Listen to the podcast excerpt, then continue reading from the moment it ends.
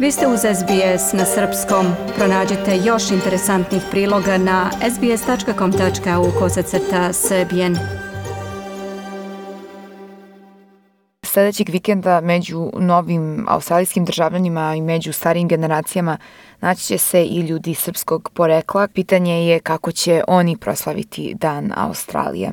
Kroz razgovor sa pripadnicima srpske zajednice, većinom pripadnicima druge generacije u Australiji, koji su ovde i obrazovani, saznali smo da oni uprkos tome što su ovde išli u osnovnu i u srednju školu, u stvari ne znaju zbog čega je 26. januar bitan datum u istoriji.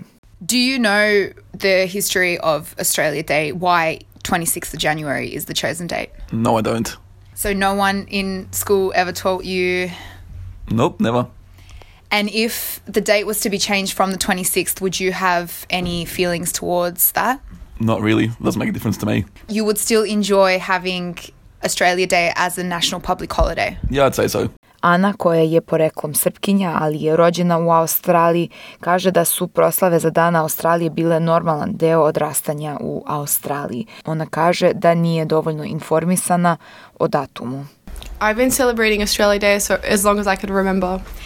In school, did anyone ever know, ask or teach you that the 26th of January might not be the best date to have Australia Day or teach you another side to the history? No, I don't have much knowledge on the history of Australia Day. I feel like that's a missed opportunity um, teaching our society about what Australia Day is. Do you agree with the date being changed? I don't see why we wouldn't be able to change the date if it betters everyone. Um, I think it should go ahead. Mlađa srednjoškolka Mija je rekla da se slaže da nacionalni praznik mora da poštuje kulturu i istoriju prve nacije Australije i da ona ne bi imala ni malo problema da se datum pomeri. I agree with that. We should definitely respect our indigenous population and celebrating on another day like the 27th of May when the referendum occurred would probably be more suitable. And I don't see how it could affect anyone if we changed it anyway.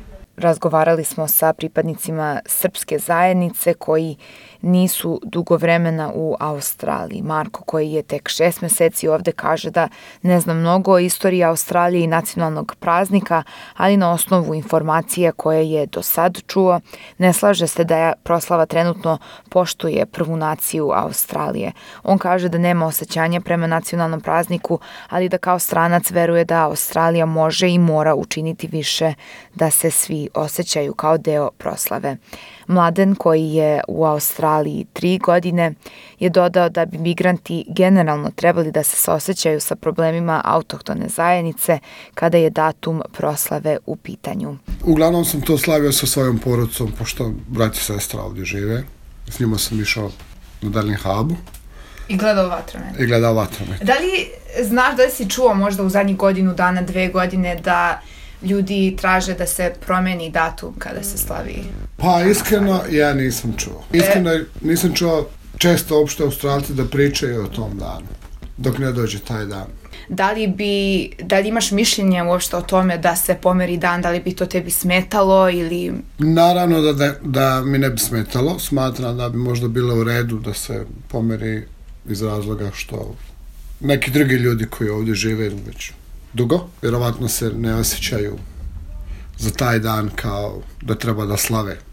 Misliš da bi generalno srpska zajednica ili migrantska zajednica podržala promenu datuma iz tog razloga? Pa ja vjerujem da bi iz razloga zato što i mi imamo sličnih situacija koje jedna strana slavi, druga strana tuguje, tako da je uvijek u redu da se nađe neki kompromis za obe strane. Svakako se ove godine neće videti velike promene. Želite da čujete još priča poput ove? Slušajte nas na Apple Podcast, Google Podcast, Spotify ili odakle god slušate podcast.